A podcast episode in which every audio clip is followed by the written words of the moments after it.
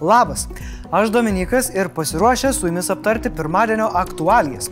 Apraudosim draudimą atvykti iš Junktinės karalystės, papasakosiu apie naująją viruso atmainą, papletkinsim, kągi įdomaus šį savaitgalį pamatė mūsų patruliai Lietuvos keliuose ir kaipgi praėjo paskutinis prezidento ir Vilniaus regiono merų susitikimų raundas. Junktinėje karalystėje pradėjus plisti naujai koronaviruso atmainai, Britų salynas tampa izoliuojamu. Premjeras Borisas Johnsonas įvedė karantiną Londone ir nemažoje pietričių Anglijos dalyje. Uh, it is with a very heavy heart, I must tell you, we cannot continue with Christmas as planned. Atšaukti planai sušvelninti pandemijos ribojimus penkioms dienoms per šventes ir uždrausta susitikti skirtingoms šeimoms Londone ir šalies pietričiuose. Na, o likusioje Anglijos dalyje suvaržytas bendravimas iki kalėdų. Dėl naujosios COVID-19 atmainos daugybė šalių paskelbė skrydžių iš Junktinės karalystės baną. Ta padarė ir sekmadienį pasitarimui susirinkusi Lietuvos vyriausybė. Tačiau susisiekimo ministras Marius Kuodis patarė vengti visų įmanomų kelionių į užsienį. Mes tikrai patarėme, jeigu yra galimybė išvengti kelionių, jų tikrai visais būdais vengti, nes galima, tikrai yra netmestina galimybė susidurti su dideliais trukdžiais pasienyje vien tik tai.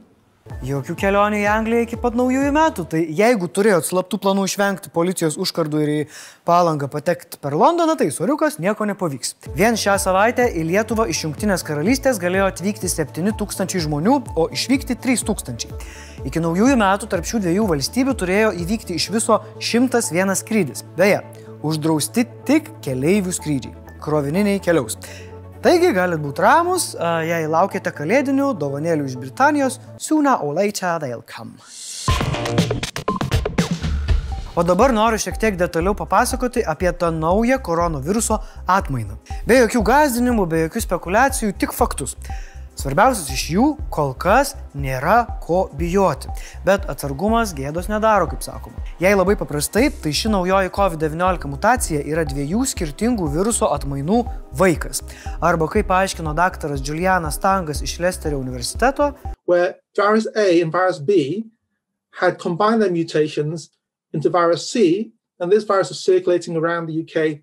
Štai ką mes žinome apie naująją atmainą. Faktas numeris vienas. Nors mokslininkai dar nėra visiškai garantuoti, tačiau genominiai duomenys rodo, kad naujoji atmaina gali būti net 71 procentų greičiau plintanti nei įprasta viruso versija. Va, pasižiūrėkite šitą grafiką. Mėlyni yra visi susirgymai, o oranžiniai naujaja atmaina. Kita vertus, mokslininkai pripažįsta, kad gal tiesiog taip susiklosti aplinkybės. Na, kad virusas buvo laiku ir vietoje ir todėl išplito. Faktas numeris 2. Naujoji atmaina pasklido po Angliją, Velsą ir Škotiją. Ypač didelė koncentracija yra Londone, Šiaurės Airija kol kas nepaliesta. Faktas numeris 3 - viruso mutacija nėra naujovė. Po to, kai virusas pradėjo plisti iš Kinijos, vasarį jo mutacija pasklido po pasaulį, o vėliau pas atostogaujančius Ispanijoje rasta dar nauja versija ir taip prisigamino beveik 20 mutacijų. Labai svarbu suprasti, kad ši viruso atmaina nėra labiau mirtina ar baisiau persirgama. O netrukus mus pasieksiančios vakcinos turėtų veikti ir prieš šį variantą, tačiau kol kas nėra užtektinai duomenų ir nerimaujama, kad jos gali ir veikti mažiau sėkmingai. O dabar apie tai, kas aktualu ir kasdieninėme gyvenime. Per kalėdas, kai norime skleisti gerumą, ką daryti, jeigu pamatome vyresnį žmogų, kuriam, tarkim, krenta iš rankų sunkus daiktas, kad ir pirkinių maišas ir norime jam padėti. Patarėme, kaip tai padaryti saugiai. Mandagumas ir paslaugumas yra labai gerai, tačiau siautėjant koronavirusui svarbiausia yra saugumas. Jei nusprendėte padėti, produktus lieskite taip, kaip rekomenduoja Pasaulio sveikatos organizacija - dezinfekavę rankas ar užsidėję vienkartinės pirštinės. Be to stenkitės padėti išlaikydami fizinį atstumą ne mažiau kaip vieną metrą. Pasikeitė valdžia, surimtėjo karantinas, todėl penktadienį visoje šalyje keliuose pasirodė pustrečio šimto kontrolės postų. Pareigūnai riboja žmonių neturinčių svarių priežasčių kirsti savo gyvenamosios savivaldybės ribas eismą. Ribojimai apmažėjo nuo vakar vakaro, tačiau vėl atsinaujins už poros dienų, nu, prieš šventes. Iš viso pareigūnų patikrinti buvo šimtai tūkstančių automobilių. Ir nepraleista per 12 tūkstančių. Aišku, dirbant pareigūnams situacijų būta visokiausių. Štai garžduose vakar pareigūnai sustabdė automobilį Peugeot, kurio vairuotojas priputė daugiau nei pusantros promilės. Matyt, būtų bijojęs pro pareigūnus važiuoti, bet kadangi buvo išgeręs, tai ir drąsos atsirado. O Kaune atsirado vairuotojas, norėjęs savo kelią pasilengvinti e, šiek tiek kitaip. Sunkias svoris automobilis privažiavęs blokus išstumdė ir pravažiavo savo, savo tikslais.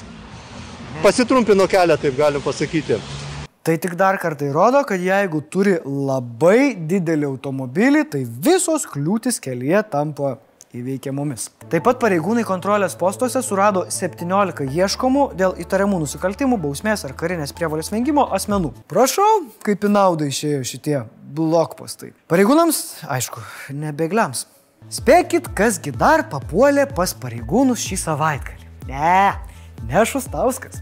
Ištikima Karbauskio ginklanešė arba tiesiog jo kardo blizgintoja Agnė Širinskinė. Anot jos, sekmadienį vakare iš savo gyvenamosios vietos dūkšte ji planavo grįžti Vilnių. Pirmadienis į darbą, visą kitą. Tačiau pakeliui pastebėjo, jog benzino nuvažiuoti iki sostinės nebeužteks. Todėl prie Visagino ją sustabdžius miestą saugusiems pareigūnams, politikė pasiprašė į degalinę. Pareigūnams geranoriškai praleidus iki degalinės, bet nesulaukus politikės grįžtant, pareigūnai lėkė jos ieškoti, gal atsitiko kas, maža ką. Ir rado ją pasikavojusią lydlę. Širinskinė be abejo teisinos ir dievagojas, kad nieko ji nepažeidė ir dėl visko kalti buki ribojimai, o ji tiesiog norėjo rizikos grupėje esančiam vyrui nupirkti maisto produktų savaitai. Problema ta, kad parduotuvė yra ir dūkšte, kaip ir degalinių pakeliu į Vilnių, o Visaginas yra kitoje pusėje nei Vilnius. Tai tinkamai pastebėjo ir Agne Melage išvadino Karolis Žukauskas.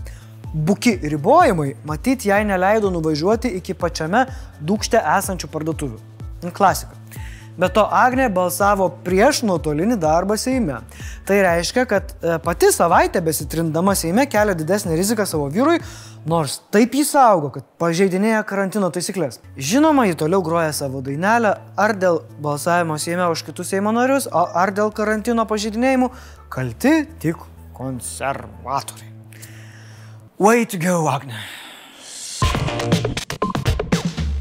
Šiandien prezidentas nuotoliniu būdu susitiko su Vilniaus regiono merais ir aptarė koronaviruso valdymo regione, pasiruošimą vakcinavimui ir kitas aktualijas. Susitikime dalyvavo Elektrėnų Vilniaus miesto ir Vilniaus rajono, Švenčionių, Ukmergės, Širvintų, Šalčininkų, Trakų rajonų merai. Po susitikimo Gitanas Nausėda sakė, kad tai buvo reguliarių susitikimų su regionų savivaldybių atstovais raundas, paskutinis raundas šiemet nu, kaip kompiuteriniam žaidime. Spaudos konferencijoje prezidentas pasidalino savo pastebėjimais po susitikimo.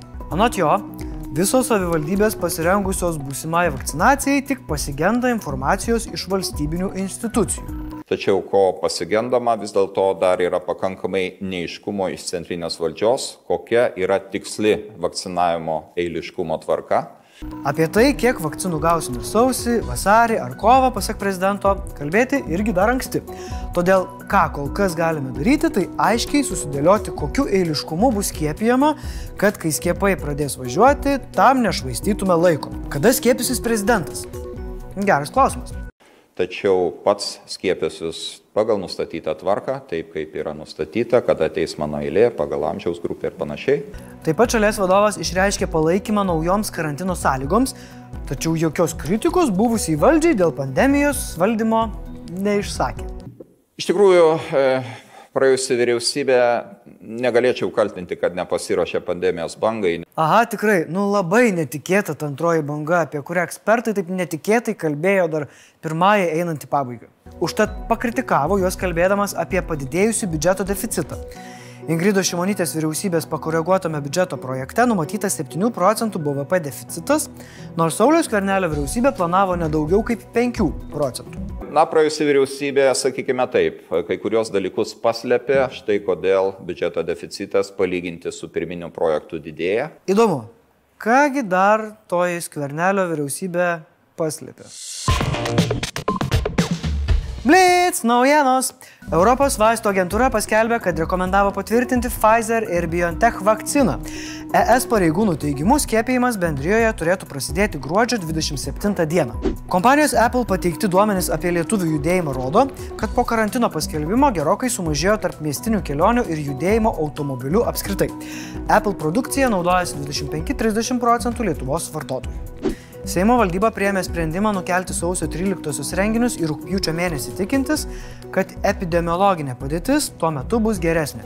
Iškilmingas Seimo posėdis bus įrašytas iš anksto, laisvės premija ir kiti pasisakymai bus taip pat įrašyti iš anksto. Aš jums pažadu, liko tik šią darbo savaitę išgyventi, o po to ilgai savaitgalį bus galima štai šitaip dripsoti